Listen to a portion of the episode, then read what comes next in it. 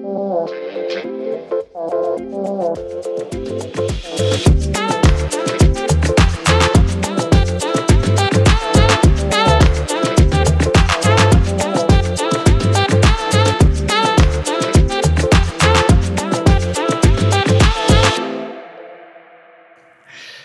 dames en heren, een nieuwe aflevering van uh, Aan de Man brengen. Uh, we zitten in Amsterdam bij uh, Tibor Olgers. Welkom. Dankjewel. Um, ja, de meeste mensen kennen jou natuurlijk als business coach. En de mensen die jou volgen, die kennen jou waarschijnlijk ook wel van heel veel posts die je doet over mannelijkheid en vrouwelijkheid. Um, voordat we daar gelijk volledig aan induiken, voor de mensen die je niet kennen, kan je een kleine introductie geven over jezelf? mensen betalen mij geld zodat ze de dingen gaan doen waarvan ze al wisten dat ze ze moesten doen, alleen ze deden ze nog niet. En die mensen, dat zijn dan ondernemers. Mm -hmm. Uh, uiteindelijk zijn we een bedrijf dat helpt om, uh, om succesvolle ZZP'ers of directeuren van, in het MKB om hun bedrijf te laten groeien. maar onze primaire focus ligt eigenlijk op het doel wat erachter ligt, namelijk gewoon het goede leven. Hm. Dus wij kijken ook altijd naar de kwaliteit van je relaties, je rol als vader of als moeder, als vrouwelijke ondernemer. Uh, je gezondheid, je gemoedstoestand enzovoort. Maar het, een, het ondernemerschap is daarvoor een, een, prachtig middel. Mijn eigen achtergrond is nadat ik een, een, tijd lang had geprobeerd het pad van mijn vader te volgen, hè, dus uh, studeren, universiteit, um, heb ik mijn plek gevonden bij de politie. Eerst de gewone politie. Tussendoor nog trouwens een tijd als, uh, als uitsmijter bij Paradiso aan de deur gewerkt. En uiteindelijk bij een speciale politieeenheid terechtgekomen. En de principes die ik daar heb geleerd, en ook van de, daar zitten ook veel jongens met een specialistische militaire achtergrond bij diezelfde club. Uh, dat is wat ik kon brengen uh, in de trainingen die we in het bedrijfsleven geven. Dus wat zijn nou die winnende principes van Special Forces? Die combineren we met uh, de strategieën van de wat meer recente en de jongere start-ups. Want die doen hele andere dingen dan, dan zeg maar, tot 20 jaar geleden normaal was. En ik ben zelf een groot aanhanger van het stoïcisme. Enerzijds geeft je dat brandstof om je shit te gaan regelen als je goed beseft dat je doodgaat en dat je hier maar een flits bent. En anderzijds de boodschap van stoïcisme, hey, vandaag leef je, dus zorg ook dat vandaag gewoon een toffe dag is. Nou, in die drie eenheden, speciale eenheden, start-ups en stoïcisme, op het snijvlak van die drie cirkels uh, opereren wij. Nogmaals, doel, bedrijf, sorry, uh, middel, bedrijf laten groeien met als doel het, het goede leven. Ja, duidelijk. Um, en daarbij doe je heel veel posten over mannelijkheid, vrouwelijkheid. hoe komt dat? Uh, nou, ten eerste omdat als je gelooft dat je. Nou, laat ik het anders zeggen. Hoe je één ding doet, doe je alles. Dus uh, hoe jij je gedraagt uh, als vader. Um, dezelfde patronen die zien we terug in je rol als leider binnen je bedrijf. Um, en um, dus als jij beseft dat hoe je één ding doet, dat je alles doet, dan snap je dat als je je bedrijf wil laten groeien, dat je dus ook naar de rest van je, van je gedrag moet kijken. Dus dat is één. Dus daarom ook in al onze, we, doen, we werken vooral in een retreatvorm, mm. altijd heel veel aandacht voor uh, jouw rol als mens en je gedrag als mens. Anderzijds ja, is er gewoon een vrij luidruchtige beweging. Ze zijn in de minderheid, maar ze zijn wel het meest luidruchtig. Ze, ze, ze gillen het hardst. Die elke van, vorm van polariteit uh, kapot willen slaan. Dat, dat, dat, is, dat is één groep die je ziet. Terwijl we gewoon kijken naar de natuurkunde, hè, dankzij polariteit is er, is er stroming uh, mogelijk. Dankzij polariteit hebben we licht.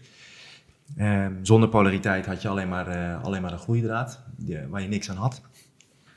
Anderzijds is er een hele grote beweging, die, uh, sorry, is er een kleine luidruchtige beweging die alles wat met masculiniteit te maken heeft als giftig bestempelt. Maar waar het werkelijk om gaat, is dat als we kijken gewoon naar de, naar de cijfers, naar de statistieken, gaat het gewoon heel erg slecht met de, de jongen in, uh, in Nederland. Hè. Dus als we kijken naar schooluitval, als we kijken naar uh, medicatie, ADD, gedragsstoornissen, uh, die, we, die 20 jaar geleden nog niet bestonden, maar die zijn uitgevonden. en inmiddels miljardenindustrieën geworden. 80% van die medicatie gaat in, in jongens.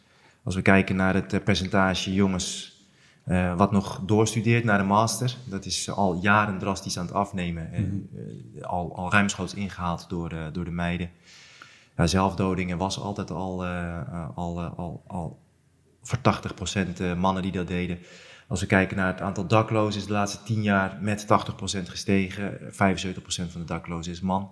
Dus als we gewoon kijken naar de statistieken, het gaat niet slechter, eh, per se slechter met de mannen ten opzichte van de vrouwen. Op veel gebieden wel, maar het gaat gewoon steeds slechter met de man.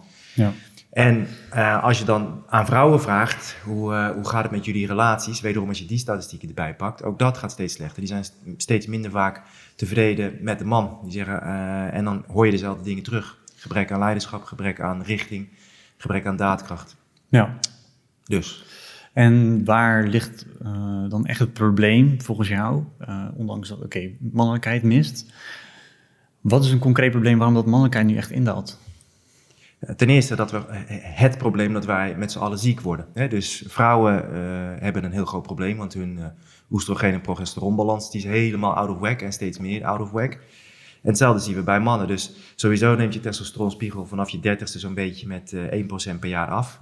Maar door onze leefstijl neemt hij de laatste 30 jaar nog eens een extra procent per, per jaar af. Ja.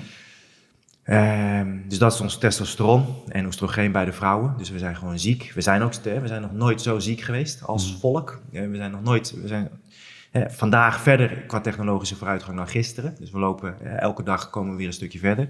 Maar we zijn nog nooit zo ziek geweest. We zijn nog nooit zo dik geweest. Dus dat is de belangrijkste factor. Hè? Dus er wordt heel veel gepraat over ja, ik heb het gevoel dat of uh, dingen die je niet kan uh, vastpakken of meten. Hè? Mannelijk Mm. patriarchaat, toxische masculiniteit, kan je allemaal niet meten. Het, het, het, roept wel meteen een heel vervelend gevoel op, maar je kan het niet meten. Uh, het percentage mensen met overgewicht, percentage mensen met chronisch ziek, er zijn nu 10 miljoen Nederlanders chronisch ziek, dus die worden nooit meer beter. Als je dat tot je door laat dringen, dat is niet te bevatten. Dus dat is gewoon hoofdoorzaak nummer één. Alles wat ik hierna ga zeggen, dat is, daar is uh, ruimte voor discussie. Hier is geen ruimte voor discussie. We zijn ziek. Onze uh, hormonen die bepalen, uh, wat, die het grootste verschil bepalen tussen mannen en vrouwen, die zijn volledig uit balans. Dus dat zorgt voor problemen. Dan lopen, lopen we volgens het Hofstede-onderzoek op, op Zweden en Denemarken na zijn we het meest feminine land ter wereld. Nou, hier kan je dus over discussiëren, over de, de maatstaven die ze in dat onderzoek gebruiken van wat is dan masculien, masculien wat is feminien. Uh, maar in ieder geval het op twee na meest feminine land ter wereld. Dus er is hier gewoon een, het, het, dogma, en nu ga ik een beetje invullen, maar het dogma is hier wel jongens zijn mislukte vormen van meisjes. Dus jongens kijken eens naar meisjes, die zitten wel stil in de klas, die luisteren mm. wel, die doen uh, niet met elkaar stoeien en agressief. Die doen niet alles maar om een wedstrijdje. Het gaat bij hun niet om het winnen. Dus kijk eens naar hun en leer eens van hun.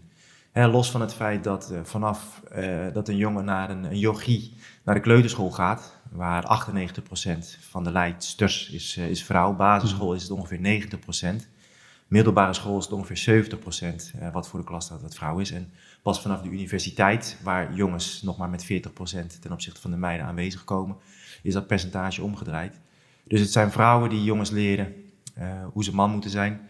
Sinds uh, het ontstaan van de, de uitkeringsstaat, hè, dus dat een, een, een, vrouw, een alleenstaande moeder, uh, zich niet meer zorgen hoeft te maken om geld, want de overheid komt met een uitkering, is een percentage jongens en meiden dat opgroeit zonder vader, is geëxplodeerd.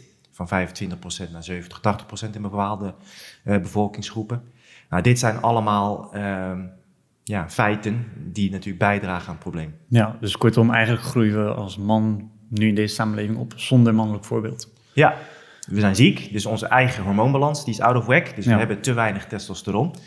Uh, en dan leven we in een land waarbij we, of niet in een land, we leven in een wereld waarin we steeds vaker opgroeien zonder masculien, volgroeid, volwassen, gezond masculien voorbeeld. En leven we in een cultuur waarin we eigenlijk continu te horen krijgen. Uh, ja, het is niet goed wat jij, wat jij bent als mm. jongen. Nou, dus gaan we onderdrukken. Dus dat restje testosteron wat we nog hebben. Hè, dus testosteron is direct gelinkt aan een drang aan uh, competitie, richting, ondernemendheid, risicobereidheid. Ja, dat, restje wat we nog hebben, dat gaan we dan nog eens onderdrukken. En als je iets onderdrukt, verdwijnt het niet. Je bouwt alleen maar spanning op die er op een gegeven moment weer uit moet. Ja, dat draagt natuurlijk uh, bij aan het nog groter worden van dat, van dat probleem. Ja, en dat resulteert in lichamelijke problemen, andere problemen, stoornissen. Ja, ja. verrotte relaties, slecht zelfbeeld. Nou, en als meisje, als je een relatie krijgt met een, met een jongen die van alles zit te onderdrukken en een slecht zelfbeeld heeft, zich schaamt voor zijn masculiniteit, nou, dat is geen fijne relatie. Of een relatie waarbij de jongen alleen maar de pleaser is en eigenlijk alleen maar uh, ja, de, de Mr. Nice Guy uithangt. Ja, en, en, dus moet de vrouw wel, hè, de natuur eist balans. Ja. Anders klapt elke relatie verbinding uit elkaar. Dus zal de vrouw in kwestie eh, dominantie richting eh, hardheid moeten brengen naar de relatie. Om de relatie in stand te kunnen houden. En daar worden vrouwen weer over het algemeen helemaal niet blij van. Hè? Dus alles wat ik zeg over relaties is natuurlijk ehm, de principes en de regels. En er zijn natuurlijk altijd uitzonderingen die de regel bevestigen. En op een populatie van eh, meer dan 7 miljard mensen is een klein percentage bij elkaar gigantisch veel mensen. Mhm. Maar het blijven de uitzonderingen die de regel bevestigen. Waarom is het zo belangrijk voor, eh, voor die jongens en voor die mannen om zo'n mannelijk rolmodel te hebben om eigenlijk die competentie en al die zaken eigenlijk te ontwikkelen in plaats van eh, door een vrouw, vind je? Nou, niet in plaats van. Dus ik geloof heel erg. Kijk, het grote voordeel van eh, de bullshit dat mannen en vrouwen hetzelfde zijn. Want daarmee zeg je dus, eh, zowel God, Allah, de natuur en de wetenschap hadden het allemaal mis. En eh, dat Y-chromosoom, ja, dat eh, weet je wel. En die verschillende hormonen, ja, ik, ik voel me daar anders bij. Ja, dus, en dat is het mooie aan feiten, die maken het niet zoveel uit wat jij voelt. Maar het, het voordeel van het dogma, mannen en vrouwen zijn precies hetzelfde, eh, is dat je elkaar niet meer nodig hebt. Dus dan dat hele gedoe rondom relaties of afhankelijk van elkaar zijn, dat verdwijnt daarmee. Dus ik snap het wel, weet je wel. En vooral als, je, als dat in je leven gedoe heeft opgeleverd, dan is het gewoon heel fijn van, ik heb de ander niet nodig. Ja, ik moet het allemaal zelf kunnen, Ja, ik moet alles zelf ben ik afhankelijk. Ja, precies. Terwijl ja, volgens mij is juist de bedoeling, en ik ben ook een groot voorstander van, van gekozen afhankelijkheid. Wij mannen eh, hebben ons, eh, dankzij ons andere ontwerp en al ons, onze andere blauwdruk, hebben andere competenties. En, eh, en, en vrouwen hebben weer andere competenties. En juist daardoor hebben we elkaar nodig, moeten we elkaar opzoeken, hebben we de verbinding nodig. En samen zijn we goud, zoals het yin-yang teken. Samen zijn we compleet. Ehm, dus niet eh, eh, dus je hebt zowel de vrouw als de man nodig in mijn ogen. Waarom is het belangrijk voor een, eh, voor een jongen en een meid om een, masculien voorbeeld, een gezond masculien voorbeeld te hebben? Kaders, richting, precies datgene wat testosteron kon brengen. En ook hier weer de statistieken. Meisjes die opgroeien zonder gezond masculien voorbeeld. Veel vaker tienerzwangerschappen, veel vaker meerdere sekspartners voor hun, eh, voor hun twintigste. Wat weer aan, hè, en dit is ook allemaal met data bewezen, leidt later tot minder tevredenheid in hun. eh, eh, ten eerste lastiger om zich nog te binden. Vooral bij vrouwen heeft dat een grote impact op hun, op hun hechting. Maar ook minder tevredenheid in de relaties die ze hebben. Dus dat zie je bij, bij meiden. Meer drugsgebruik, dat ook. Bij jongens zie je meer drugsgebruik, twee keer zoveel kans op schooluitval, twee keer zoveel kans om met eh, politie, justitie in aanraking te komen. Kaders, dat is wat het, eh, wat het masculine kon brengen. Ja, je hoort eigenlijk die, eh, die linkse stromingen waar je het over hebt, die gebruiken het argument ook dan ook vaak van hey, eh, we zijn 99% eh, eh, hetzelfde qua DNA. Ja, en dat lijkt, dat lijkt een goed argument. Je had daar laatst ook weer een, een post over, over gemaakt, waarin je eigenlijk inzoomt op die ene procent. Correct. Kijk, als ik, als ik voor, eh, voor jullie nou een, eh, een kop koffie, eh, als ik jullie een nieuwe kop koffie geef, helemaal vol die beker. En ik doe in de ene doe ik een half theelepeltje suiker en een paar druppeltjes melk. En in de andere doe ik een half theelepeltje zout en een paar druppeltjes karnemelk. Dan zijn die kopjes voor eh 99% inhoud zijn ze hetzelfde. Maar geloof me, het resultaat is heel erg anders. Ja. En nogmaals, juist als je het over zulke grote getalen hebt, zit het venijn zit hem in de, in de details. Maar het klopt. Eh, mannen en vrouwen zijn voor 99% hetzelfde. Ehm, we zijn allebei mens. En dat is ook een andere denkfout die, die wordt gemaakt, dat het een het ander uitsluit. Als je zegt, ik ben voor gezonde femininiteit, ik ben voor gezonde masculiniteit, betekent niet dat je tegen menselijkheid bent. Nee, je bent in de eerste plaats allemaal mens. Nou, wat is een goed mens? Dus dat, dat is prachtig om daar eh, je in te verdiepen en mee bezig te zijn. Maar vervolgens ben je man of vrouw. En dan is het ontzettend waardevol om te kijken, oké, wat, is, wat zijn dan die, wat, wat, welk venijn zit hem in die 1% verschil? En hoe kunnen we dat juist optimaliseren? Nogmaals, ik ben juist pro-afhankelijkheid van elkaar, zodat die verbindingen die we met elkaar aangaan, zodat we elkaar beter begrijpen, zodat die verbindingen, de relaties die we hebben, waardevoller worden. En dat het geheel, de compleetheid van ons twee, dat we daar veel meer uithalen. Twee neutrale polen, daar gebeurt helemaal geen reet. En twee dezelfde polen, die stoten elkaar af. Ja. Je kan het dan ook misschien wel zo zien dat daarom ook, hè, je hebt het over die risicobereidheid. Ja, En als het die in, dat zit waarschijnlijk in die 1%. En dat je daarom ook ziet van oké, in de top zitten er meer mannen en aan Correct. de onderkant meer.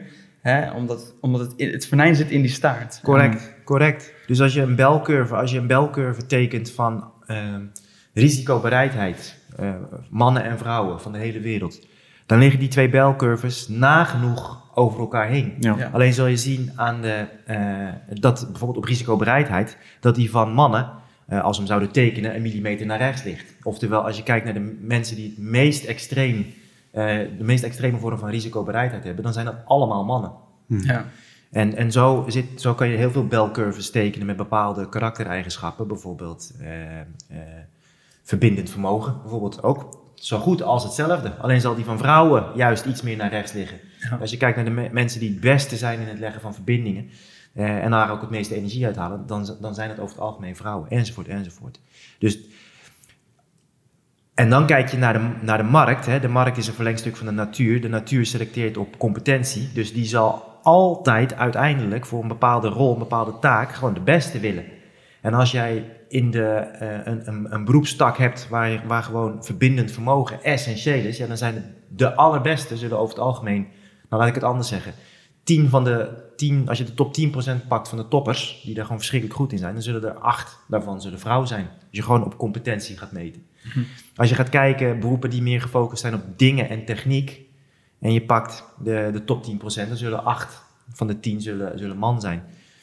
En dan kan, je weer, dan kan je meteen weer in de discussie verzanden, ja, maar dat komt door onze cultuur en dat komt door de, door de, door de opvoeding. Sociaal construct. Ja, ja dat, dan blijf je weer discussiëren. Kijken we naar de Scandinavische landen waarin ze volledig genderneutraal communiceren, dan zie je dat die verschillen nog groter worden. Ja. Dus als je mensen met rust laat, als je ze hun- hun natuurlijke keuzes laat maken, dan zie je dat de verschillen tussen mannen en vrouwen groter worden. Er zijn ook wat onderzoeken gedaan bij baby's, waarin je daar al ziet dat pasgeborene meisjes eh, meer reageren op gezichten dan jongens, en jongens meer reageren op dingen en voorwerpen dan meisjes. Ja.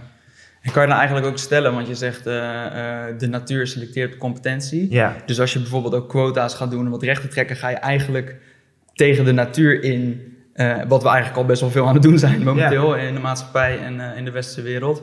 Maar ook op dat stuk ga je eigenlijk de- tegen de natuur in. Correct. Ja, ik vind het sowieso bijzonder dat je ongelijkheid wil bestrijden met ongelijkheid. Ja, het is, als het niet zo treurig zou zijn, zou het bijna, zou het bijna grappig zijn. Eh, De TU Eindhoven die is gelukkig teruggefloten door het rechten, College van de Rechten van de Mens eh, afgelopen jaar. Opdat ze eh, alleen maar eh, vrouwen aannamen die ook een ton extra aan, eh, aan onderzoeksgeld gaven ten opzichte van, van de mannen. Dus het is gewoon al bizar dat ik kan zo meerdere voorbeelden opnoemen. Bijvoorbeeld binnen de politie, waarin gewoon letterlijk in vacature staat, bij gelijke competentie, dat staat er, dan gaat de voorkeur uit naar een, naar een vrouw. De TU Delft, de TU Eindhoven, zijn meerdere voorbeelden waarin er gewoon letterlijk in de vacature staat. Hè? TU Eindhoven en Delft, wij nemen alleen maar vrouwen aan. Ehm, waarbij er dus ongelijkheid is tussen, tussen vrouwen en mannen. Is er daar een verschil in? Dat je zegt van oké, een voorkeur voor een vrouw of eh, willen een vrouw? Of hebben hebben zoiets van nee, dat mag helemaal. Ik vind dat dat helemaal niet eh, eh, als variabel erin moet staan. Nou ja, de- nee, ik, dat laatste. Dus Ja. als je dat als variabele erin zet, waarom dan niet bijvoorbeeld lengte? Want daar is ook een bias over. Ja. Wij zijn, wij, wij, lange mensen achten wij intelligenter en competenter dan korte mensen. Mensen met een brede kaartlijn achten wij competenter. Waarom neem je dat dan niet mee in de vacature? We willen minstens dat zoveel mensen, mensen... Dus dat is het gevaar met deze hele discussie over één uiterlijk kenmerk. Waar stopt het? Welk geslachtsdeel tussen je benen hangen? Ja, inderdaad. IQ praat ook niemand over. Volgens mij is dat een veel, veel interessantere als we het over aangeboren kenmerken gaan hebben. Waarom zeggen we dan niet, ja, bij defensie, bij kappers, bij universitair docenten moet het IQ, moet minstens, of minstens zoveel procent van de mensen moet dit IQ hebben. Eh, het gemiddelde IQ is 100, dus waarom, waarom moet dan niet minstens zoveel procent van de eh, universitaire stoelen iemand met een IQ van rond de 100 of misschien wel daaronder zitten? Anders is het niet eerlijk. Hm. Dus dat hele, die hele communistische drang van alles niet gelijke kansen, waar we natuurlijk met z'n allen helemaal voor zijn. En elke vorm waarbij er onrecht is op het gebied van gelijke kansen, daar sta ik vooraan om, dat, eh, om daartegen te strijden. Hoe komt het dat je daaraan vooraan staat? Je kan het namelijk ook zien en interpreteren en denken van ja, dat is wat het is, maar ik heb andere dingen te doen. Maar je voelt heel erg de drang zelf om dat, om dat, om dat te uiten.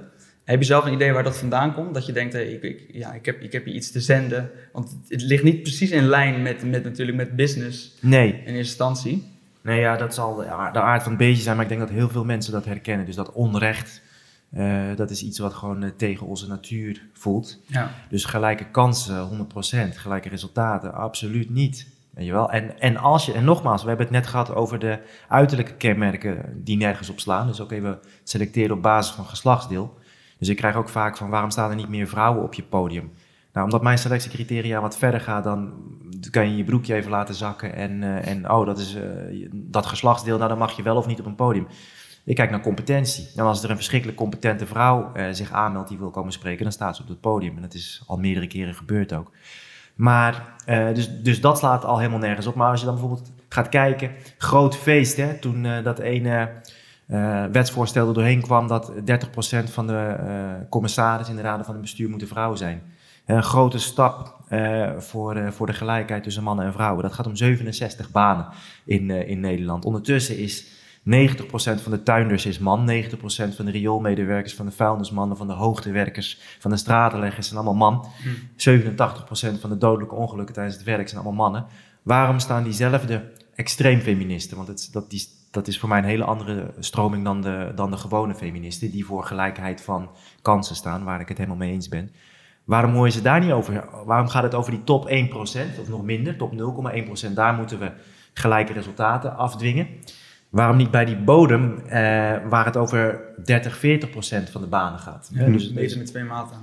Ja, het is dus verschrikkelijk hypocriet natuurlijk. Prima, laten we een aanname stop doen bij de rioolmedewerkers en al die beroepen die ik net heb opgenomen, opgenoemd. En dan mogen alleen nog maar uh, vrouwen mogen daar uh, aangenomen worden. Ja. Toch? Gelijke resultaten. Dan blijft het rustig. ja, ik denk dat we een probleem hebben. Dus of we kunnen gewoon kijken, oké. Dan is competentie ook opeens wel belangrijk. Ja. Hè? Dus dat, is ook, dat hoor je dan ook. Van ja, oké, we die, die, die stratenmakers, dan, uh, daar zijn vrouwen dan niet voor geschikt. En dan is het opeens oké om te selecteren op competentie. Maar als het dan gaat om inderdaad... Uh, In hun voordeel. En, uh, ja, dan, dan niet. Ja. ja. en dan krijg je weer... Dus met deze opmerking moet jij oppassen dat je geen haatmail krijgt. Oh ja, kunnen vrouw, ik, ken, een, ik ken, dat is ook hè de anekdotische, drog, de anekdotische drogreden. Ik ken een vrouw en die uh, is wereldkampioen stratenleggen of, of whatever. Nogmaals, die, die, die belcurves liggen voor 99% uh, eh, over elkaar heen. Dus er zijn ontiegelijk veel mannen die voor geen meter, waaronder ik zelf, uh, handig zijn aangelegd. En er zijn ontiegelijk veel vrouwen die ontiegelijk handig zijn. Zeker. Als we gaan kijken naar, naar de meest competente, nou, nogmaals, dan zullen dat zullen dat mannen zijn. En niet alleen maar de meest competente, maar ook degene die er zin in hebben. Dan zullen bijvoorbeeld bij straten leggen, bijvoorbeeld, bijvoorbeeld bij oorlog voeren, je land verdedigen, zullen dat vaker mannen zijn dan vrouwen.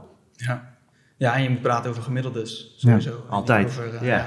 Ja, oké, ook, ook als je uh, naar gewicht hebt. Nou, ik ken genoeg vrouwen die mij... Uh, Eruit kunnen tillen. ja. ja, en dat is prima. Maar als je, als je dan dat weer gaat vergelijken naar bijvoorbeeld een bodybuildwedstrijd. Als je dat op één lijn zou doen met ja, dat is dan ook alleen maar mannen aan de, top. De, de, honderdduizend of misschien wel de miljoen sterkste mensen op wereld zijn allemaal mannen. Ja. ja. Dus dan, dan, als je daar ook het geslachtsdeel weg zou halen, ja. Ja, dan, dan krijg je wel gewoon, uh, ja. ja. dan winnen alleen maar mannen. Ja, ja. En dan... Maar de grootste vraag hè, om, om deze hele discussie die, we met, die je met allemaal feiten kunt staven is, waarom zou je het in godsnaam willen? Waarom zou je in godsnaam willen dat alles gelijk wordt? Dat we dat yin-yang teken, dat we daar één grijze cirkel van maken. Dat elke vorm van verschil en dus van aantrekkingskracht, dat je die uit zou vegen. Dat je elke, elke vorm van polariteit en dus aantrekkingskracht, van flow, van stroming. Waarom zou dat in godsnaam? Ja, het enige argument wat ik kan verzinnen is dan ben je af van het gedoe van, van afhankelijkheid. En dat is tegelijkertijd, denk ik, het grootste nadeel. Weg met de spanning. Weg met de spanning, weg met de afhankelijkheid. Ja, maar die afhankelijkheid is natuurlijk ook eng. En dat worden vrouwen natuurlijk nu ook geleerd om niet meer afhankelijk te zijn van. Ja. Ehm, dus ja, waarom zou je nog afhankelijk zijn van een man? Of andersom. Precies. Weet je, want dat is misschien zwak. En dat betekent ook weer niet dat je niet uh, als vrouw een soort van je onafhankelijkheid moet uh, een soort van groeien in je onafhankelijkheid. Uh, maar het is natuurlijk een keerzijde als je daardoor niet, ja, weet ik veel, kan verbinden meer, je kan openstellen. En, ja, Correct. En het is misschien semantiek, maar ik denk dat het laatste wat je wil als mens, man of vrouw, is onafhankelijk worden. Stel je voor dat het je lukt. Dus dat jij onafhankelijk van wat dan ook door het leven kunt gaan. Nou, eh, ik hoop dat het mij in ieder geval nooit gaat lukken. Ik denk dat mensen onafhankelijkheid verwarren met draagkracht, jezelf kunnen dragen. Mhm. Je moet jezelf kunnen dragen. Dat is belangrijk. Maar als er één diersoort gruwelijk afhankelijk is, dan is het wel de mens. En, uh, en dus eh, ga je weer onafhankelijk willen worden. Wat natuurlijk ontzettend past hè, bij deze anderhalve meter uh, samenleving en, en, en, en en, uh, en niemand meer nodig hebben. Individuen in plaats van mensen. Individuen denken in transacties in plaats van relaties. Individuen denken in termen van onafhankelijkheid in, in plaats van in termen van interafhankelijkheid en gekozen afhankelijkheid. Ehm, ja, dat is het enige argument wat er bestaat om, om daarop in te zetten. En ik denk dat het een verschrikkelijk, verschrikkelijk giftig argument is. Je wil als vrouw, als man jezelf kunnen dragen. Uh, emotioneel gezien, financieel gezien, fysiek gezien. Maar daarna wil je alsjeblieft kiezen van wie je afhankelijk wordt en, ook, en een ander nodig hebben. Dat is toch het mooiste wat er bestaat? Ja, ik kan mezelf dragen en ik heb in principe niemand nodig, maar ik kies ervoor om... Je hebt niemand nodig om jezelf te kunnen dragen, maar je, want de waarheid is, je, je hebt als mens anderen nodig. Je kan niet onafhankelijk zijn en als je het bereikt ben je in mijn ogen de menselijkheid mens af. Ja, zeker weten. Dan ben je een individu geworden en dan, dan ben je niks meer waard dan een robot. En als je het hebt aan competenter worden en uh, aan meer draagkracht krijgen. Je had een, uh, ik vind het wel interessant om even in te gaan op die archetypes waar je het laatste ja. over, over had. Ja. Hè? Uh, en dan zeker als we, als we kijken naar hoe kan je nou als man um, meer draagkracht krijgen en een betere mas masculine man worden, Ja. volwassen. Ja. Um, zou je daar wat meer over kunnen vertellen? Want je had die van Jung aangehaald. aangehaald. Ja, een groot aanhanger van, eh, van Jung en de archetypes. Archetypes, eh, prachtige eeuwenoude energie en, eh, en wijsheid. Het, het, het collectief onbewuste. Dus je hebt zowel de, de- je hebt de algemene archetypes, je hebt de masculine en je hebt de meerdere feminine archetypes. Ehm, ik denk dat er, kijk, voor een man komt het uiteindelijk voor mij op drie dingen neer. Eh, één, eh, kracht, competentie en karakter. Eh, dat zijn drie dingen die je moet eh, ontwikkelen. Kracht is eh, enerzijds gewoon fysiek sterk zijn. Als je gewoon kijkt naar de, onze blauwdruk die we mee hebben gekregen. Meer testosteron, goede hormoon, meer spierkracht. Dat is blijkbaar de bedoeling, dat kracht belangrijk is voor ons. Dus fysiek sterk zijn. Emotioneel stabiel zijn. Wij hebben een, een, een stabiele hormoonbalans, vrouwen hebben een cyclus. Ook dit wordt weer verward met mannen mogen niet huilen. Nee, dat is jongetjesenergie. Jongetjes geloven, yogis geloven dat ze stoer moeten zijn, dat ze niet mogen huilen. Een volgroeide masculine man, die eh, jankt zijn ogen uit zijn kop als een hond doodgaat, als, eh, als eh, whatever, weet je wel. Het is gezond om... Het gaat, het gaat niemand blokkeren, maar wel toegang hebben tot je emotie. Exact. Stabiel, gewoon stabiel toegang. Dus niet wanneer je aan het koken bent en je omelet die brandt aan, dat je dan in huilen uitbarst. Ja. Dat is niet een stabiele, stabiele hormoonbalans voor een man. En waarschijnlijk ook niet voor een vrouw, maar fysiek sterk, emotioneel stabiel. En wat heel belangrijk is bij, bij mannen, in, eh, in mijn ogen, is, is vechtbereidheid. En dat bedoel ik enerzijds dus fysiek. Dus eh, when shit hits the fan, als we gewoon kijken naar, ons, eh, naar onze blauwdruk toen die, toen die werd ontworpen. Ja, als wij met z'n drietjes eh, he- he- on- he- de parameter, het dorp moesten beveiligen voor andere stammen. En dan keken we elkaar aan en dan wilden we weten, hey, als ze komen, ben je dan in ieder geval bereid om er vol in te gaan. Eh, Los van hoe sterk je bent. Ik heb liever iemand naast me die niet bijzonder sterk is, maar een extreem hoge vechtbereidheid heeft, eh, dan, het, dan het tegenovergestelde. Het is ook mooi, want we hadden, we hadden eh, twee weken geleden iemand voor de podcast die deed over initiaties eh, van, van jongen naar man. En als je kijkt naar inheemse culturen, dan heb je van die overgangsrituelen waar, als je kijkt naar vechtbereidheid, echt best wel heftige dingen gedaan worden. Waar dus ook eh, doden zouden kunnen vallen. Ja, En nou zeg ik natuurlijk niet dat je dat, hier zouden moeten doen. nee. Alleen het zegt wel van, hé, hey, als het dorp, dus als jij dat overleeft, dan weet het dorp waar die op kan bouwen. Exact. Hè? Waar, waar, hoe competent die is om, om terug te komen naar het, naar, naar het dorp als die is gedropt ergens in de boek. exact. En Maar- dat soort dingen worden natuurlijk nu niet meer... Ja, je wordt niet uitgedaagd om, om, om die competentie te ontwikkelen. Nee. nu. Prachtig trouwens eh, wat hij daar doet. Ja, die, die initiaties, die rituelen, dat is inderdaad iets wat we, wat we missen. En dat wel ook weer raakvlak heeft met de archetypes. Maar dus fysiek sterk zijn, dat zou je als je een archetype daaraan... eh, ah, fysiek sterk, emotioneel stabiel en, eh, en een hoge vechtbereidheid... daar zou je de warrior eh, van, eh, van Jung aan eh, de strijder aan kunnen hangen. De jageres is daar de, de vrouwelijke tegenhangster eh, van. Ehm, competentie is natuurlijk heel breed. Ehm, maar vaardigheden ontwikkelen, maar ook gewoon de geheimen van het leven snappen. Ehm, daar zou je archetypen, er zijn er meerdere, maar de wijze, de mentor, de leraar, de teacher, de tovenaar wordt die soms ook wel genoemd. Die zou je daar aan kunnen, kunnen hangen.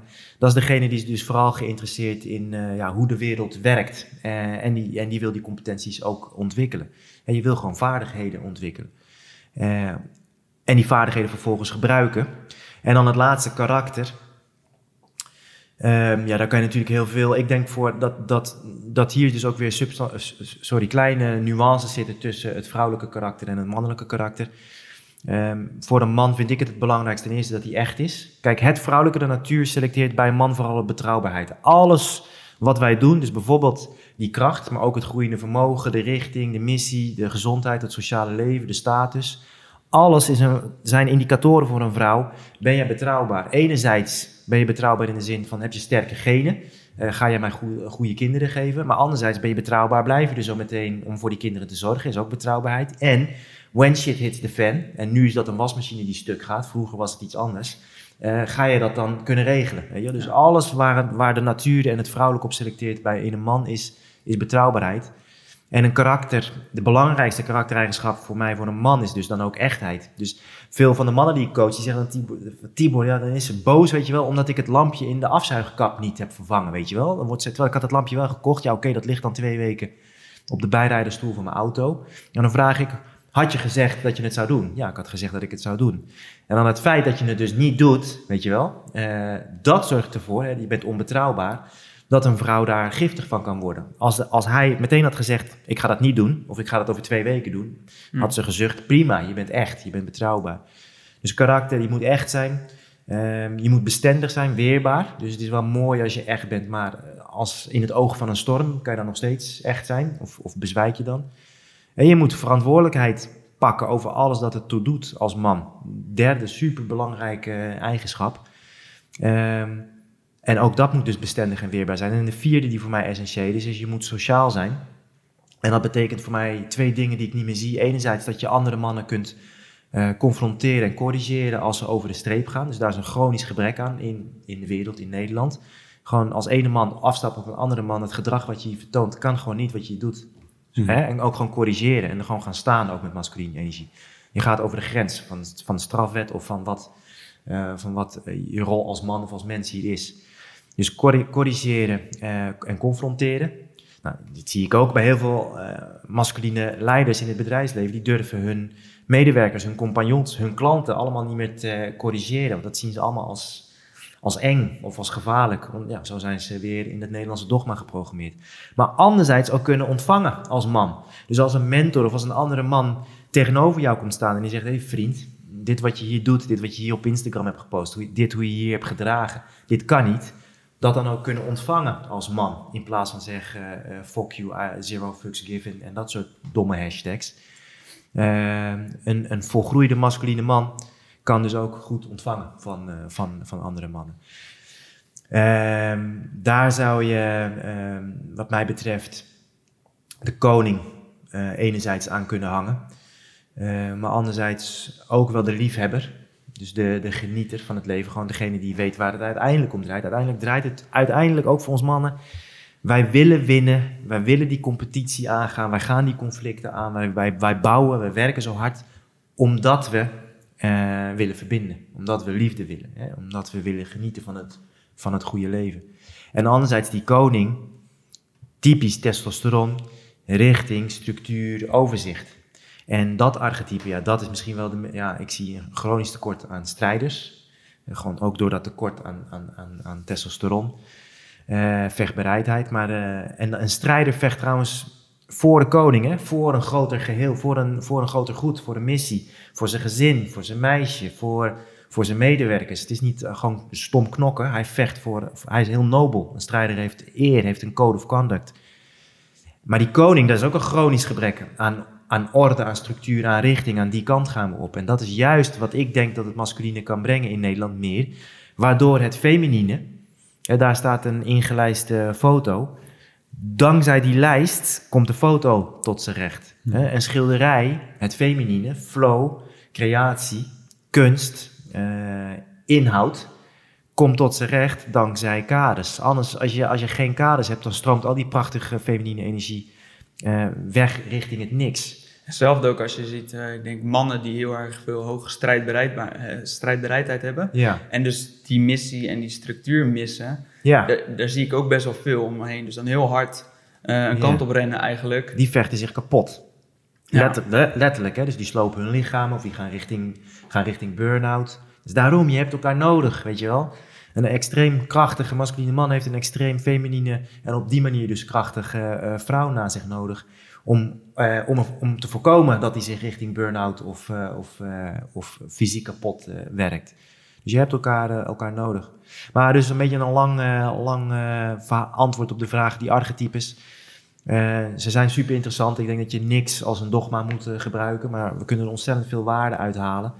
En dan zien we dat bepaalde archetypes gewoon eh, onderontwikkeld zijn bij mannen. Ja, ik vind het ook vooral interessant om het, eh, om het durven aan te kijken van die schaduwkant. ja die, ra- die dat raken nu dominant. Ja, Ja. en, dat, en als je er niet van bewust bent, en als je wil groeien en je wil competenter worden en je wil een volgroeide eh, masculine man worden, dan moet je die eerst aankijken. En daar is Exact. ook super erg gebrek aan. En ja, ook als ik naar mezelf keek, gewoon het kunnen aankijken van, van de patronen die je hebt, om uiteindelijk die, die, die, die goede archetypes te ontwikkelen. Exact. Dat vond ik super interessante eh, Ja. materie. Er zijn nu En- heel veel zwakke prinsjes. Er zijn heel veel beledigde prinsjes en heel veel boze prinsjes die vinden dat ze ergens recht op hebben. Er zijn heel veel, hè, dus dat zijn de archetypes van de koning. Er zijn heel veel sadisten, schaduwzijde van, eh, van de strijder. Hè, dus die, die zijn helemaal niet nobel.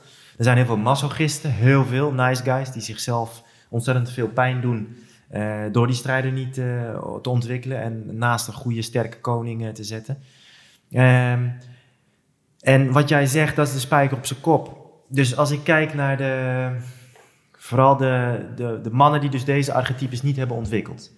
Dus die een absoluut geen hoge vechtbereidheid hebben, fysiek zwak zijn, emotioneel onstabiel zijn, geen eh, krachtige kaders in hun eh, leven hebben, geen missie hebben. Ja, of dat nou ondernemerschap is, maar je missie kan, kan ook iets heel anders zijn. Je missie kan ook zijn om eh fucking beste gezin van, neer te zetten. Een supergoeie vader te zijn, je kinderen blij te maken. Maar in ieder geval mannen die dus niet duidelijk een richting hebben, niet een goede strijder hebben ontwikkeld. En die dan vervolgens gaan prediken dat mannen eigenlijk mislukte versies van vrouwen zijn. Oftewel, we moeten naar training om meer emotioneel te worden, meer over onze gevoelens te praten.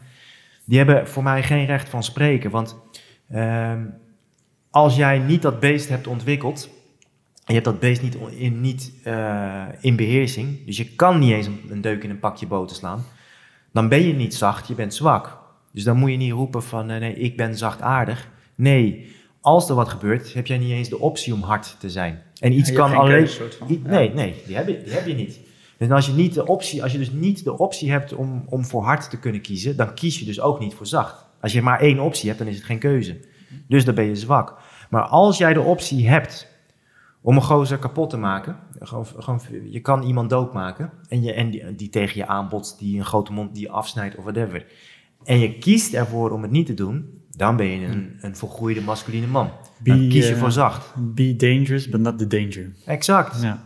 Ja, en maar als het nodig is, als iemand aan je kind zit, als iemand aan jou zit, als iemand aan je meisje zit, eh, dan kun je kapot maken. Ja.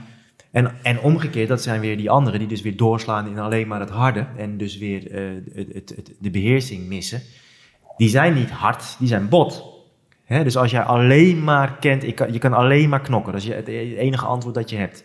Je kan alleen maar schreeuwen, je kan alleen maar hard en stoer zijn. Dan ben je niet hard, dan ben je gewoon bot. Dan ben je een bot wapen, waar voor de rest niks mee... eh, want ook jij hebt geen, eh, geen keuze.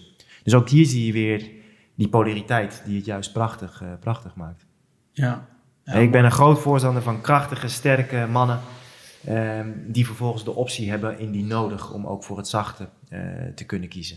Maar nogmaals, als je naar Yin Yang kijkt, ehm, die kleine stip in, in het midden, die kleine zwarte stip, die is kleiner in verhouding tot het, het grote witte gedeelte. Ja, maar je hebt hem wel nodig. Je hebt hem keihard nodig. Ja. En wij hebben feminine energie nodig, alleen de masculine energie moet dominant zijn. En hetzelfde geldt eh, voor een vrouw. Vanzelfsprekend. Oh ja, kan een vrouw dan niet leiding geven? Mag, is een vrouw dan niet sterk of vastberaden? Tuurlijk wel. Alleen, zowel vrouwen als mannen, om maar- even één extreem. eh, een vrouw die extreem, fysiek extreem sterk is, extreem hard is in haar besluitvorming, in haar communicatie, is niet aantrekkelijk voor de mannelijke populatie. Nee, of voor een extreem vrouwelijke... Voor, voor, en dan krijgen we weer de uitzonderingen die de regel bevestigen. 100%. Gelukkig wel. Op Ja. elk potje past een dekseltje, 100%. Ehm, als je kijkt naar je eigen... Heb jij zelf een bepaald type eh, vrouw waar je, waar je, eh, die je heel aantrekkelijk vindt? Dat je, en zie, ik ben ook benieuwd, want eh, eigenlijk via... Als je kijkt naar deze theorie ook, de model... ehm, verandert ook Dus de type vrouw waar je dus aan, wat je aantrekkelijk gaat vinden, hoe Ja. competenter je dus wordt. Zie je dat bij jezelf ook? Ja, dat wordt een interessant topic. Daar gaan we het uit, ga ik zal ik uitgebreid op antwoord geven. Maar wat je als laatste zegt. Kijk, ook wat steeds gevaarlijker wordt om bijvoorbeeld cijfers van nu te gebruiken, is dat je dus cijfers pakt van een populatie die ziek is. Dus wat sowieso gaat veranderen is wat vrouwen aantrekkelijk vinden en wat mannen aantrekkelijk vinden, gemiddeld gezien. Omdat, we, omdat je het vraagt aan mannen die eh, ziek zijn en vraagt aan vrouwen die ziek zijn. Hè, dus die hun eigen polen eh, zijn verloren. Ik zelf, wat, wat ik aantrekkelijk vind, is mijn eigen vrouw eh, Lisa. Dat is een extreem feminine vrouw. We hebben een behoorlijke eh, achtbaan achter de rug afgelopen, afgelopen jaar. Ehm, voor mij is een van de belangrijkste eigenschappen van een goede vrouw, laat ik het zo zeggen. Als je als man een goede vrouw kiest, man, weet je wel, dan ga je groeien. Dan word je op scherp, want dan word je scherp gehouden. Een goede vrouw houdt je scherp. Zorg dat je je shit blijft regelen, dat je je shit op orde hebt, dat je blijft groeien. Hoe doet de natuur groei afdwingen? Selectie. Natuurlijke selectie. Wat, de, hoe als een speciale eenheid of een bedrijf eh, selectie en personeel moet selecteren, hoe doen ze dat? Testen. Dus de natuur test met corona. Welk bedrijf trekt dit? Welke mensen trekken dit? Ehm, hoe doet een, een bedrijf het? Testen. Hoe doet een vrouw het? Door haar man te testen. En elke man die nu zit te luisteren, denkt: oh ja, fok. Als ik nu vraag: test je, test je vrouw jouw geduld wel eens? Test je vrouw wel eens? Jij zegt: ik ga super gezond. schat, ik ga super gezond leven nu. Ik ga trainen en, eh, en eh, gezond eten. Wat doet je vrouw op, op vrijdag? Schat, hier heb je een biertje. Dat heb je verdiend, weet je wel. Je hebt zo hard gewerkt. Dus en, jij, en jij denkt: ja, je hebt gelijk, schat. En je neemt hem aan. Sukkel test ge- gefaald, weet je wel. In, in, in je vrouw is net iets afgeknapt, want je hebt die test niet gehaald. Nou, dus En vrouwen doen het ook veel onbewust, hè? Dus dat het grootste gedeelte is onbewust bij ze. Ja? Dus ook als jij, als je in de dating scene op een vrouw afstapt als, als jongen, wat bijna niet meer gebeurt, ook gewoon, want eh, daar zijn we ook te, te scheiterig voor. We doen liever eh, swipen. Maar als je dat doet, is het het eerste wat een feminien, feminine vrouw zal doen, is zal, zal je testen. Die zal je testen. Oh ja, weet je wel. Ben je wel zo Ik zelfverzekerd? vind het wel, eh, ook, ik heb een artikel, ik moet nog pu- publiceren, die artikel over de app Bumble. Ik weet niet of je hem kent. Nee. Het is ook een dating app, maar daar is, eh, als je dan een match hebt, dan moet de vrouw als eerst beginnen met praten. Oké. En bij mij was het zoiets van, oh, wacht even, maar dat is best wel, dat gaat al tegen natuur in. Want normaal is natuurlijk de man door testosteron degene die de stap maakt. Ja. Ehm, dus ik, ik heb het geïnstalleerd, ik ben, ik ben gesprek aangegaan als, ik, als iemand met mij begon te Puur praten. voor wetenschappelijk onderzoek. Puur wetenschappelijk onderzoek. Ja, snap ik, van, snap ik. hey, wacht even, jij begint. Hoe, hoe ervaar je het? Hoe vind Ja. je het? Eigenlijk zijn dus allemaal... Nou, eigenlijk vind ik het wel veel fijner als een man initiatief neemt. Of Ja. verantwoordelijkheid toont. Of toch wel... eh, maar toch vinden ze, doen ze het wel. Maar het is, toch geven ze aan van... Ja, ik vind het niet de manier waarop het eigenlijk Nee. hoort te gaan. Nee, maar ja, dan, dat is wat, wat ik net zei naar aanleiding van jouw punt. Ja, vrouwen worden niet meer aangesproken. Nee. Dus ja, eh, ze, ja, maar ze hebben nog steeds die drang naar verbindingen. Naar, eh, dus ja, godver, dan gaan wij het maar doen, weet je wel. Maar dat is dus, ja, godver, dan gaan wij het maar doen. Dat is al meteen, ja, wat voor energie is dat om een, om een relatie mee aan te gaan. Ja. Hetzelfde zie je dus in relaties steeds. En dit is, ja, dit is moe- moeilijker om met cijfers te staven. eh, want die zijn er nog niet veel. Maar hoeveel vrouwen naar hun man kijken en denken... Ja, Godver, dan beslis ik wel waar we gaan eten. Dan beslis ik wel waar. Want jij hakt die knoop niet door. Jij bepaalt die richting niet. Ja, weg met de spanning. Weg met de spanning, weg met de polariteit. En geloof me, ik ook één ding met mijn eigen vrouw. Dan, hè, want als je hier dan weer haatmail over krijgt van... oh ja, dus de man moet alles bepalen voor de vrouw. Nee, jongen. Uiteindelijk zijn wij was in die handen van die vrouwen. Ik kan me nog herinneren dat Lisa was hier met een aantal van haar... eh, Lisa geeft salsa les. Onder andere een aantal van haar dames, die waren hier. En we hadden nog wat restjes eten, dus dat waren we allemaal aan het klaarmaken. En ik zei, eh, ja, maar dit is niet genoeg, dus ik ga ook pizza's bestellen. Hè. Man, ik moet voorzien voor al die vrouwen, weet je wel. Dus ik pizza's bestellen. En achteraf, eh, dat, soms pas in retrospect zie je, zie je bepaalde dingen terug in herinneringen, hè, die je in het moment zelf niet zag. En achteraf, toen alles gebeurd was, zag ik dus in mijn herinnering dat een van die meiden tegen Lisa zei, ja, maar dit, we hebben toch veel te veel eten al, als ook nog. En dat Lisa zei, laat hem maar. En dat later die pizza's kwamen en, en het was veel te veel. En dat, dat Lisa heel goed, toen die pizza's kwamen, zei ze, ah wat goed, we hebben pizza's. En dat ik op een gegeven moment zei, eh, oh maar het is eigenlijk veel te veel. En dat Lisa zei, oh, oh ja. En dat ik toen een aantal dames zag gniffelen en toen vielen alle kwartjes naar mij. Dus Lisa was mij aan het bespelen. Heel goed, Hmm. liet mij in mijn masculiniteit. Maar ondertussen, wie was, wie was de baas? En ik moet daarom lachen, zij moet erom lachen. En ik vind dat spel is nou een prachtig voorbeeld van, Ja. van masculiniteit en femininiteit zoals het hoort. Ja, Ja. en, en ik wil er ook nog echt op inhaken, want die, en die confrontatie eigenlijk, de, of eigenlijk een, een goede, eh, eh, eh, goed ontwikkelde vrouw die de man confronteert, eh, dat moet je dus aankunnen. En als ik, als ik, dat moet je dus willen. En als je dus zelf niet, en dan ga ik wel diep, soort van zelf, eh, die, die masculiniteit goed hebt ontwikkeld, dan zoek je dus ook een vrouw die jou niet confronteert. Want anders is het te pijnlijk. Pijnlijk. En, Ja, dan, ja. en als ik kijk naar mezelf nu en de relatie die ik nu heb, dan heb ik daar echt op geselecteerd. Iemand waar ik dus niet met mijn bullshit eh, eh, weg kan komen. Nee, Terwijl, eh, ja, als ik een aantal jaar terugkijk, dan, dan wilde ik dat niet. En dan wilde ik soort van eigenlijk misschien wel vanuit macht soeverein kunnen blijven, omdat ik eigenlijk niet mezelf kon aankijken. En dat Ja, is echt, dat Ja. is ja. Ja, maar kijk, het is dus een man die zijn shit niet op orde heeft, die zal vanzelfsprekend niet een aantrekkelijk, fysiek aantrekkelijke vrouw met een goed zelfbeeld en die weet wat ze wil in het leven aan zich binden. Want die is die ten eerste zo kwijt. En voordat hij er kwijtraakt, zal zij hem inderdaad continu testen. Dan ga je fucking shit regelen. ja. Dus eh, mannen die klagen over het gebrek aan eh, verzorging van hun vrouw en, enzovoort. En laag zelfbeeld, ja, vriend. Laten we eens naar jouw situatie gaan kijken. Hoe zit het met jouw missie? Hoe zit het met jouw vermogen? Hoe zit het met je gezondheid? Hoe zit het met je sociale status? Weet ik zeker, die is, eh, die is weg. Dus mannen die genoegen nemen met, eh, met een vrouw die haar eigen shit dus niet op orde hebben. Ja, dat- zijn inderdaad mannen die hun shit niet op orde hebben. En als je als man een fysiek aantrekkelijke vrouw hebt, dus dit is ook weer zo'n, eh, nou niet eens heel erg genuanceerd verschil in aantrekkingskracht tussen mannen en vrouwen.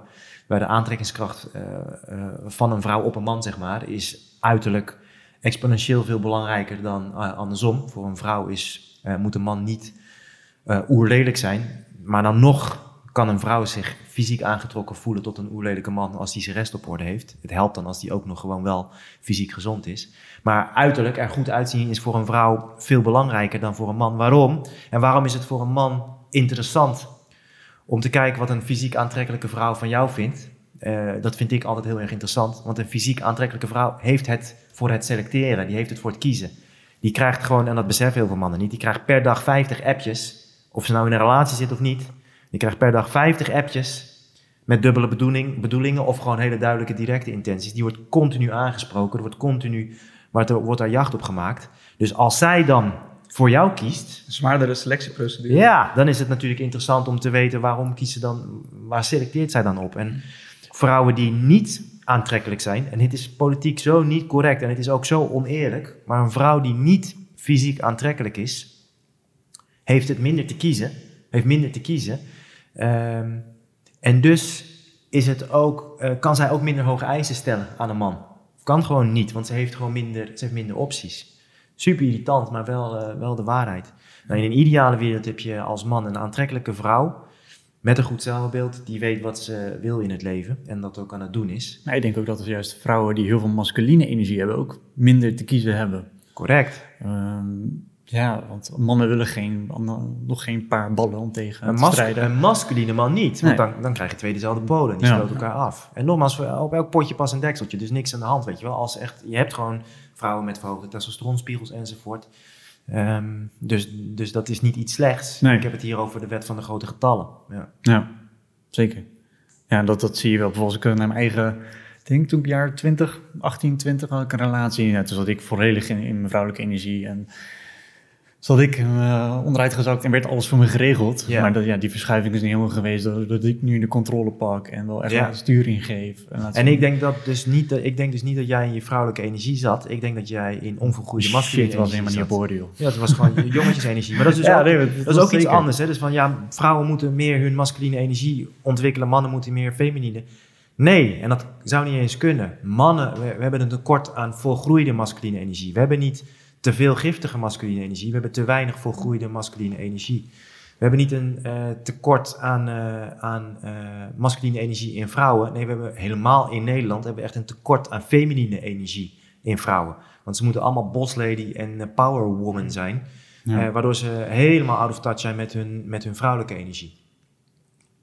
Ja, dat zie je ook wel. Vaak leren ook nu ja, vrouwen opgroeien door, door moeders die of verlaten zijn en door alleen maar, joh, je moet onafhankelijk zijn. Ja, ja, tuurlijk, want uit liefde, je wil, je wil die pijn, je wil die pijn eh, voorkomen. Ja, Dus sluit. En eh, de meest krachtige vorm van vrouwelijke energie is openheid, is overgave. En, Mhm. en elke vorm van je hart proberen te verdedigen is natuurlijk sluiten. Is, is, is, een, is aangeleerd masculien gedrag, maar eh, niet, niet volgroeid masculien gedrag, maar jongetjes, jongetjesgedrag. Dus Ja. ja. het is helemaal niet fijn om je dochters dat mee te geven. Nee. En je wilt ook geen, niet voor je dochter een, een, een man die eigenlijk nog in zijn lichaam een jongetje is. Nee, Nee, precies. Correct, Want ja, dat ja. daar draaien de problemen. Nee, en dat heeft, Ja. dat heeft te maken dus bewustzijn van, van dat concept en van, van hoe dat werkt. Ja. inderdaad, ja. Waar liggen jouw valkuilen nog als je kijkt naar mannelijkheid? bij de strijder heel erg, dat die dominant wordt. Ehm, dus dat ik mezelf of kapot werk, of die strijder, dat dat dus, hè, want de strijder vecht altijd voor iets of voor iemand anders, eh, dat ik ga red- lopen redden. Eh, of, dat nou, eh, of dat nou mijn eigen vrouw is, of dat, nou, of, of dat er klanten zijn. Eh, dus die is, dat is mijn grootste valkuil, ja, de strijder. En het gevaar, de- en dat zie ik wel vaker bij mannen die een sterke strijder hebben. Dus die fysiek sterk zijn, emotioneel stabiel, mentaal een hoge vechtbereidheid hebben. Ehm, juist omdat ze dat dus allemaal hebben, kunnen ze ontzettend veel hebben. Ehm, en gaan ze voorbij aan dat wat ze eigenlijk verlangen.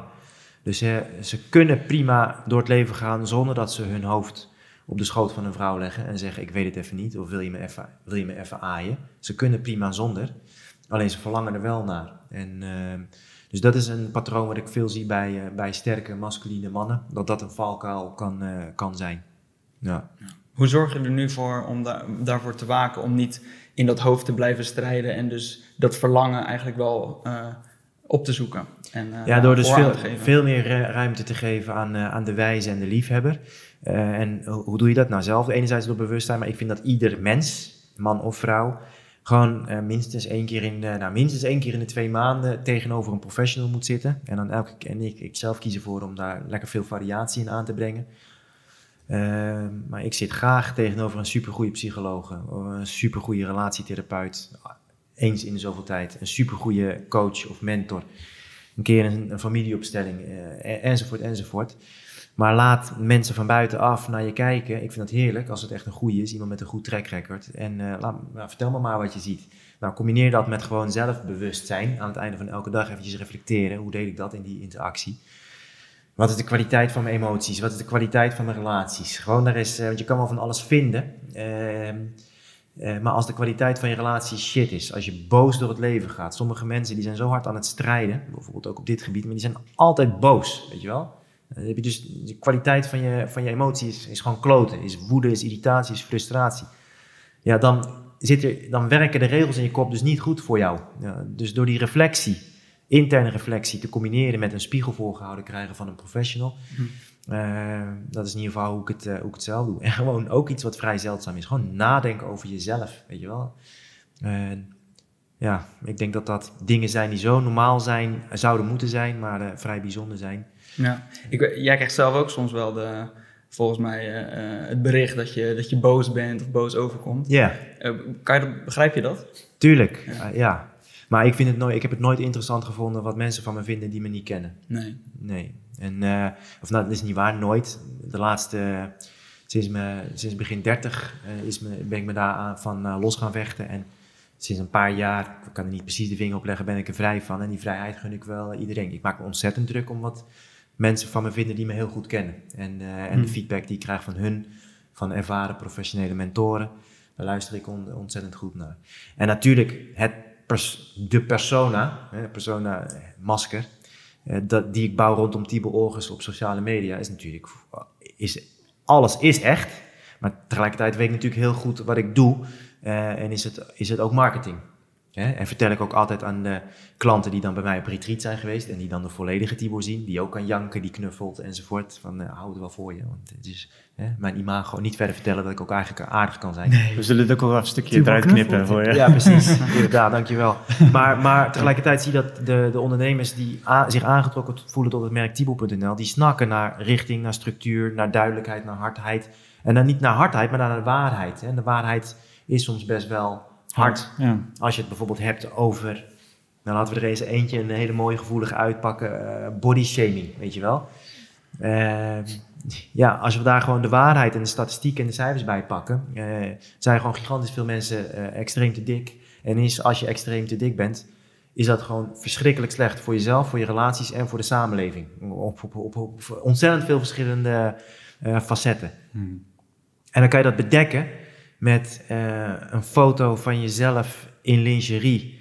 Hè, van een, een, dus iemand die obese is, die, die ziek is. En dat op Instagram zetten met een prachtig verhaal erbij over eh, zelfliefde.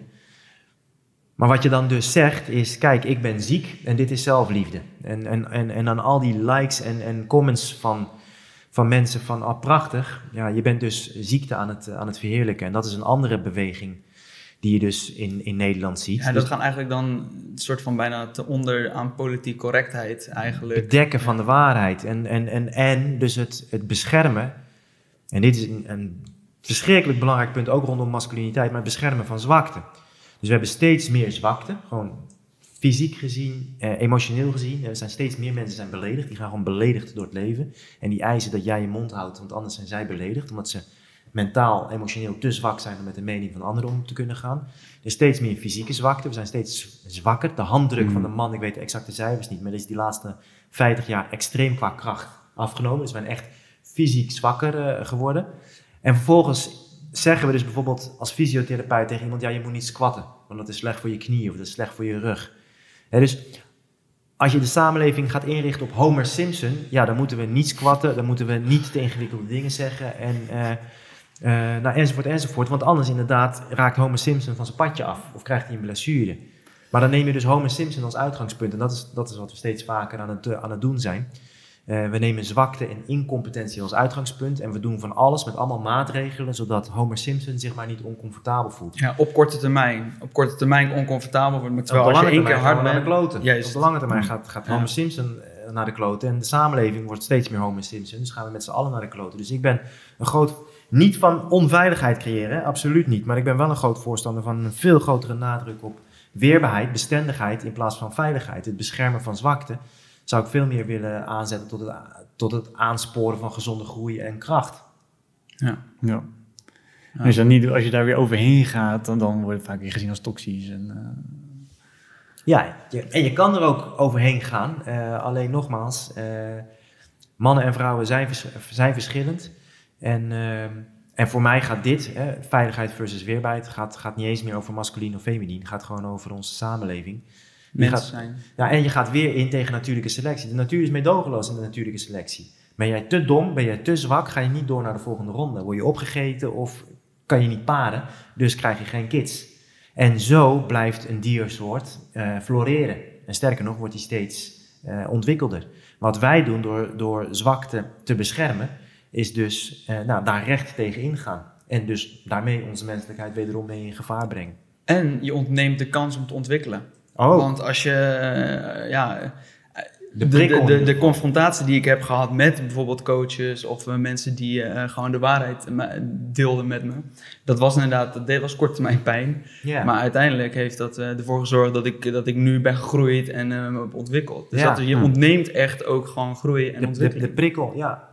En geloof me, als man, als jij een, je hebt echt een krachtige missie, whatever dat is. Al is dat dat alle parken in Nederland, dat er geen afval meer is, maar dat is jouw missie. Je hebt richting, weet je wel. Je hebt een doel en daar ga je voor. Je bent bereid om daarvoor te knokken. En die koning in jou, die zorgt voor de, voor de richting, de orde en de structuur om, om daar naartoe te, te bewegen. Vervolgens lukt het je ook om, omdat je de geheimen van het leven snapt en je hebt de competentie, je hebt de kennis om groeiend vermogen op te bouwen. Eh, een van de dingen waar vrouwen op selecteren. Niet omdat ze je geld willen, maar omdat groeiend vermogen, betrouwbare, voorspelbare cashflow, is een indicator van betrouwbaarheid voor jou als man. Dat je je waarde creëert, dat je bijdraagt eh, en dat je, nou ja, dat je dus betrouwbaar bent. Als je dat hebt, je hebt die richting en het lukt je ook om met die missie groeiend vermogen op te bouwen. Je hebt een goed sociaal leven, dus je krijgt het respect van andere mannen en je hebt aantrekkingskracht van andere vrouwen. En dat krijg je als jij deze zaak op orde hebt. En je bent een gezonde vent, dus je bent nogmaals fysiek sterk, emotioneel stabiel en, eh, en mentaal heb je een hoge vechtbereidheid. Geloof me, dan, heb je het, dan, heb je, dan voel je je goed, dan heb je het goede leven. En geloof me, dan ben je aantrekkelijk voor, voor toffe vrouwen. Voor een vrouw die zelf goed voor zichzelf zorgt, weet wat ze wil, open in het leven staat. het voor het kiezen heeft en, en, jou, en jou, wil, eh, jou wil kiezen. En daar ontstaat weer een prachtige relatie uit. Dus voor mij, als we het even specifiek toespitsen op die, op die man, die vier-eenheid. Ik, als we even, ik wil het wel concreet maken voor ze. Zorg voor een concrete missie, richting in je leven. En hak dus ook knopen door, in plaats van dat, die besluiteloosheid en die twijfel. Regel je shit, waardoor je dus ook groeiend vermogen opbouwt. En ik zeg dus niet van een miljoen naar 2 miljoen, groeiend vermogen. Dus het kan zijn deze maand 1000 euro en over een half jaar 1500 euro, als het maar groeit. De natuur eist groei. Het is moeder natuur, vrouwen zijn een verlengde van de natuur, dus zij zal jou daarop testen en scherp op Duurzame groei. Ja, duurzame groei. Zorg dat je zelf gezond bent, fysiek, emotioneel en uh, spiritueel en mentaal. En zorg dat je sociaal bent. Hè? Enerzijds in je relatie tot mannen en anderzijds in je relatie tot, uh, tot vrouwen. Ja, ik denk dat dat vier concrete dingen zijn waar de, de, man van nu mee aan de slag kan. En dat de vrouwen in Nederland daar heel blij van worden als mannen dat gaan doen. Ja, en je hoort ook wel veel, dat vind ik wel, uh, je hoort veel vrouwen ook wel zeggen van ja, mijn man moet meer kwetsbaar zijn of meer vrouwelijke energie vertonen. En ik heb een paar keer gesprekken gehad met vrouwen. En dan, oké, jouw man, je wil dat je man kwetsbaar is. Stel dat jouw man is één keer per jaar of twee keer per jaar zijn hond gaat dood en die breekt een huilen uit, of moeder ziek en breekt een huilen uit, hoe vind je dat? Ja, vind ik echt fantastisch. Dat zou ik echt super mooi vinden. Oké, nu gebeurt het één keer per maand. Hoe zou je het dan vinden? Ja, uh, ja, ja oké, misschien nog wel mooi. Oké, nu begint, heb je het één keer per week dat je man super kwetsbaar is, een huilen uitbreekt. En dan komt er alweer een beetje van, uh, nee, nee, dat wil ik niet. Oké, en nu gebeurt het één keer per dag of vaker dan jij. Nou, dan zie je vrouwen al eigenlijk een soort van walging van, uh, dat hoef ik helemaal niet. Correct. En dan, dan zie je al van, oké, je wil geen kwetsbare man, maar je wil wel een man die toegang heeft tot die emotie en daarin stabiel is. is. Die emotioneel stabiel is. Ja, en het is heel stabiel om te huilen als je een fucking zware periode achter de rug hebt, als een dierbare overlijdt. Uh, als je door iets geraakt wordt, echt ontzettend. Natuurlijk, dan is het heel gezond om te huilen. Maar niet als je nogmaals als je omelet is mislukt of als je de afslag hebt gemist. Ja, je, een vrouw wil niet dat je op haar schoot komt uitluiden omdat je een zware nee, werkdag had. Een vrouw, en, en, en nogmaals, een fysiek aantrekkelijke vrouw die open in het leven staat, die weet wat ze wil, die walgt van uh, masculine zwakte. Die walgen daar echt van. Ja. Dat, ze, ze selecteren, dat is een van de dingen waar ze op selecteren, emotionele stabiliteit en gezondheid.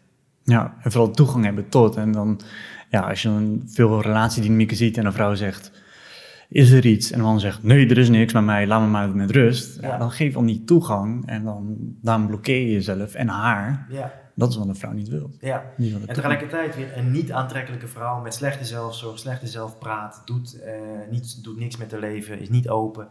Die vindt, het, die vindt het misschien wel vervelend als een man krachtig is, als hij sterk is, als hij richting heeft, als die, die zal hem proberen. Want die weet, uh, dan raak ik hem kwijt. dus die vrouwen die zullen zeggen, nee, het is allemaal niet, allemaal gelul. Status, vermogen, uh, respect van andere mannen, aanzien van andere vrouwen, uh, hoeft voor mij allemaal niet. Nee, snap ik dat het niet voor jou hoeft. Ja, ik heb wel een relatie gehad dat ik op een gegeven moment, ik ging dus naar sportschool gezond eten en dat, ik werd gewoon naar beneden gehaald. Ja, natuurlijk. Dat is de enige strategie. Kijk, het alternatief was dat zij voor zichzelf ging zorgen. Het is meer werk dan jou naar beneden trekken. Ja. En dat, dat, uh, dat wil je niet. Je wordt geconfronteerd eigenlijk met dat iemand anders ja. beter doet. Ja. Een goede vrouw haalt echt zoveel meer uit, uit jou als man dan wat je zelf En die daagt je daarin uit. Ja, ja die, die test je daarin. Scherp houden, ja. ja. Mooi. Vet. Heel mooi. Heb jij nog een vraag, eh, Thomas? Ik denk dat we alle topics uh, de revue hebben laten passeren. Ja. ja. Denk het ook. Ja. Um, ja, je hebt het eigenlijk al een soort concreet gemaakt net. Ik ga het nog een keer vragen en dan heel kort. Hè, vragen aan iedere gast. Wat zou jij de hedendaagse man uh, uh, willen, willen, willen brengen, aan de man willen brengen? Um, Oké. Okay. Ja, nog een keer concreet. Ja, als ik hem super concreet maak, uh, zorg voor een missie. Dus kies, kies, kies, kies, punt. He, dus mannen kiezen niet meer. Dus kies ook voor je, voor je vrouw. Dat betekent dus ook 100% nee zeggen tegen, tegen al die andere vrouwen. Uh, ga er volledig voor. Kies zakelijke doelstellingen, of je nou in loondienst zit of in, ondernemer bent. Hang er deadlines aan, maar kies een bepaalde richting in je leven. Een iets wat groter is dan jij. Dus dat is één. Ja? Dus zet die dingen op papier voor jezelf. Twee, regel je shit met betrekking tot financiën. Eén, ja, in het leven draait het om goede gemoedstoestand, goede gezondheid, goede relaties, en gezondheid met betrekking tot je financiën. Die laatste is de enige die je echt kan uitspelen. Die andere drie zullen altijd een spel blijven. Eh, van balans tot aan je dood. Maar het financiële spelletje kan je gewoon uitspelen. Je kan op een gegeven moment zoveel vermogen hebben opgebouwd dat je je daar nooit meer druk om over hoeft te maken. Regel je shit financieel gezien. Zorg dat je niet heel veel omzet draait, maar zorg dat jij winst overhoudt. Hmm. Elke maand, elk jaar. Dat je dat slim investeert in indexfonds of vastgoed en dat je groeiend vermogen opbouwt. Geen haast, maar het vermogen moet groeien. Maak daar een plan voor. Ehm, kom, dus verdiep je daarin en, en regel dat. Sociaal.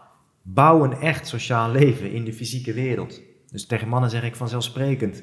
Ga op krachttraining twee keer in de week. Hoeft niet zes keer in de week. Of dat nou krachttraining is, powerliften, eh, olympisch gewicht heffen of crossfit. Maar ga even serieus, serieus met goede begeleiding op krachttraining. Ga één keer in de week op vechtsport. Het liefst Braziliaanse jiu-jitsu of kickboksen, omdat dat ook sporten zijn waar je daadwerkelijk wat aan hebt. Daar zitten ook heel veel rituelen nog, eh, nog in, in de, in de vechtsport. Respect, discipline, je plek ook kennen binnen de groep, competitie. Bij een goede, goede sportschool eh, ben je helemaal als beginneling zo veilig als wat. Er gebeurt helemaal niks met je juist. Eh, maar leer ook gewoon knokken. Leer, leer, leer fysiek je grenzen opzoeken eh, samen met andere mannen. En daarna in de kantine praten over, over, het, over de rest van het leven. Maar ook sociaal. Ik praat hier heel veel over. Maar ga bijvoorbeeld op dansles. Door mijn vrouw eh, is mijn, mijn eh, zeg ik salsa. Ten eerste vind ik salsa mooi omdat de rolverdeling, masculin, feminien, is daar prachtig. Maar als man leer dus ook, leer ook dansen. Leer jezelf ook verbinden met de muziek. Leer je verbinden met eh, degene tegen je over. En een, en een bijkomend voordeel is dat je je een 1, 2, 3 keer per week omringt met over het algemeen aantrekkelijke vrouwen ook. Aantrekkelijke jonge vrouwen. Is gewoon goed voor jou als man om je daarmee te omri- omringen en te kijken. Zij gaan jou ook weer testen, die, eh, die vrouwen. Nou, leer daar maar, eh, leer daar maar mee omgaan. Dus in, in je sociale leven, ga, zware gewicht optillen, ga op vechtsport. Het gaat mij er eigenlijk om. Je wordt sterker, je leert knokken, je leert dansen. Maar je bent in aanraking met andere mannen met dezelfde kernwaarden, met, eh, met, met andere dames. Fantastisch. Ehm, werk dus aan, aan, dat, aan dat sociale leven en werk gewoon aan je, aan je gezondheid. Dus fysiek sterk worden, hebben we het net al een beetje over gehad. Eh, maak afspraken met mentoren, met, met, met een psycholoog, met een familietherapeut enzovoort enzovoort. Blijf dat onderzoeken, lees boeken en werk gewoon aan je fysiek, mentaal, emotioneel, spirituele groei en, eh, en gezondheid. Nou, die Mooi. vier pijlers, ik zou zeggen, ga daar eens mee aan de bak. Ehm, jaag daarop, jaag niet op het vrouwelijke. En geloof me, als je dat doet, als je jaagt op die vier pijlers die ik net heb genoemd, word je aantrekkelijk voor het vrouwelijke. Of je nou aan het daten bent, of die aantrekkingskracht in je, in je huidige relatie eh, vurig wil houden. Ehm, je, hebt, eh, je hebt twee vliegen in één klap. Je hebt het goede leven en, eh, en mooie polariteit met je eigen vrouw of eh, in je datingleven. Mooi. Helder. En ik vind nog wel echt, ja, dat, ook dat vechtsport, ik- ja, ik vind het mooi om te zien. Ken je Jason Wilson, Amerikaanse eh, Nee. karate man, leraar. Ehm, en die gaat ook heel erg in, we hebben het in het begin al over gehad, over jongens eh, met ADHD. Eh, en hij zegt ook, hij heeft op een gegeven moment een filmpje en er ligt een jongen met ADHD op de grond en die gaat dan, ja, die kan niet stil liggen en die ligt te bewegen. En, en dan gaat hij een karate training mee doen en die, hij put hem gewoon helemaal uit en daarna gaat de jongen weer liggen en dan zie je hem gewoon stil Hmm. kalm. Dus ook voor opgroeiende jongens, vechtsport, om die energie die misschien niet kan Richt- uiten in richting school. te geven. Richting Ja. is zo belangrijk voor het masculine. En dan ook, weet je, voor opgroeiende jongens, om die energie ook kwijt te kunnen. En daarna misschien op een school zitten, om daar stil te zitten, wat dan daar weer van je gevraagd wordt. Kan zo helpen ook. Exact. Dus Dat is mooi om te zien. ADHD, Ja. dus het schoolsysteem matcht, wel, matcht meer met, het, met feminine energie dan met masculine energie. 66% van de kids die de klas uit wordt gestuurd is een jongetje. 80% van de ADHD-medicatie gaat in een jongetje. Dus eh, meisjes van nature mm, kunnen beter blijkbaar stilzitten en luisteren Ja. eh, dan jongens. En dan vervolgens krijgt de jongen dus de boodschap, er is iets mis met je. Hier heb je een pil. weet je Ja. wel? En, en, en, en juist door, door naar de waarheid te kijken, een jongen heeft gewoon inderdaad meer drang naar competitie, naar beweging, naar... Kijk, laat een, een jongen een, een, een roman lezen en hij zegt ik hou niet van lezen. Laat een, een jong jochje een boek lezen over een actieheld die, eh, die alle boeven doodmaakt en hij leest dat boek uit, weet je wel. Dus juist ook hier weer door naar die kleine verschillen te kijken en inderdaad daarin te faciliteren, zowel voor de jongens als voor de meiden, eh, alleen maar winst. Ja, mooi. Helder. Dankjewel, Dank- Tibor. Dankjewel. Gaaf gesprek. Dat, eh, dat we mochten komen. En ja, jullie luisteraars, bedankt voor het luisteren. Eh, Tibor, waar kunnen ze jou vinden? Als je Tibor.nl of gewoon Tib- Tibor googelt, dan, eh, dan vind je me op alle, alle kanalen. Ik ben dagelijks op Instagram, twee keer per week op LinkedIn, eh één à twee keer per week op YouTube en, eh, en eh, ook één keer in de week een artikel op de, op de website tibor.nl. Mooi, lekker actief bezig. Ja, Ja, wij zijn te vinden op www.aandemanbrengen.com, Instagram ook, het aan de man brengen. En ja, bedankt weer voor het luisteren en eh, tot de volgende aflevering weer. Ciao. thanks.